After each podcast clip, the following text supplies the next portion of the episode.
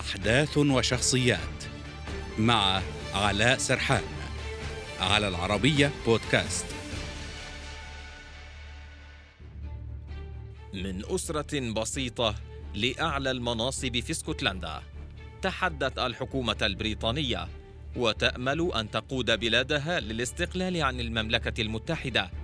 أول امرأة تتولى منصب رئاسة الوزراء وزعامة الحزب القومي الاسكتلندي معا. رئيسة وزراء اسكتلندا نيكولا ستوجن So, to the Prime Minister, let me be very clear. This is not simply a demand that I or the SNP are making. It is the right of the people of Scotland. And you, as the leader of a defeated party in Scotland, have no right to stand in the way. بعد فوز الحزب القومي الاسكتلندي ب 64 مقعدا في انتخابات مايو 2021 بفارق مقعد واحد عن الأغلبية. انتعشت الآمال مجددا لرئيسة وزراء اسكتلندا بإجراء استفتاء ثان حول الانفصال. وقالت إن المحاكم وحدها هي التي يمكنها منع إجراء استفتاء آخر لاستقلال بلدها لا جونسون ولا حكومته يمكنهم ذلك.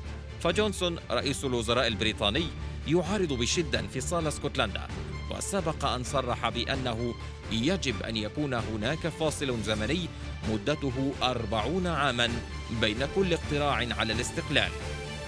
نيكولا فيرغسون ستورجن من مواليد 1970 هي الأكبر بين ثلاث بنات ولدن في عائلة بسيطة لأم ممرضة وأب كهربائي. تنحدر عائلتها من أصول تعود لشمال شرق إنجلترا. انضمت ستولجن إلى الحزب الوطني الاسكتلندي شابة عام 1986 وأصبحت عضوا في حملة نزع السلاح النووي.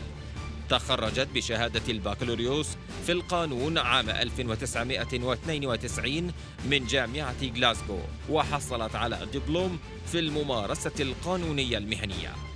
عملت ستورجن بعد تخرجها محامية ثم حصلت على عضوية البرلمان الإسكتلندي لتشغل على التوالي منصب وزير ظل للتعليم والصحة والعدل عن الحزب الوطني الإسكتلندي.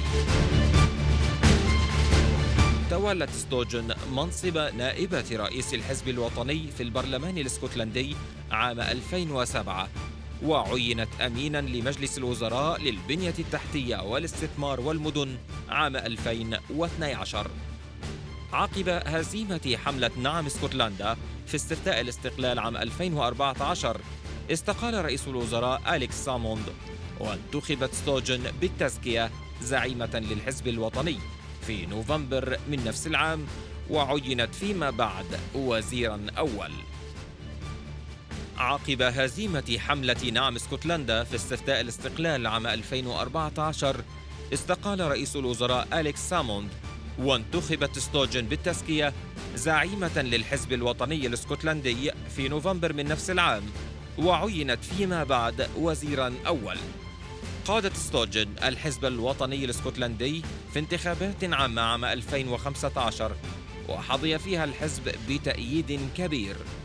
وتقول في إحدى مقابلاتها إن مصدر إلهامها لدخولها عالم السياسة هي رئيسة وزراء الحكومة البريطانية السابقة مارغريت تاتشر التي لقبت بالمرأة الحديدية بسبب السياسة الاقتصادية العنيفة التي اتبعتها في تسيير شؤون بريطانيا.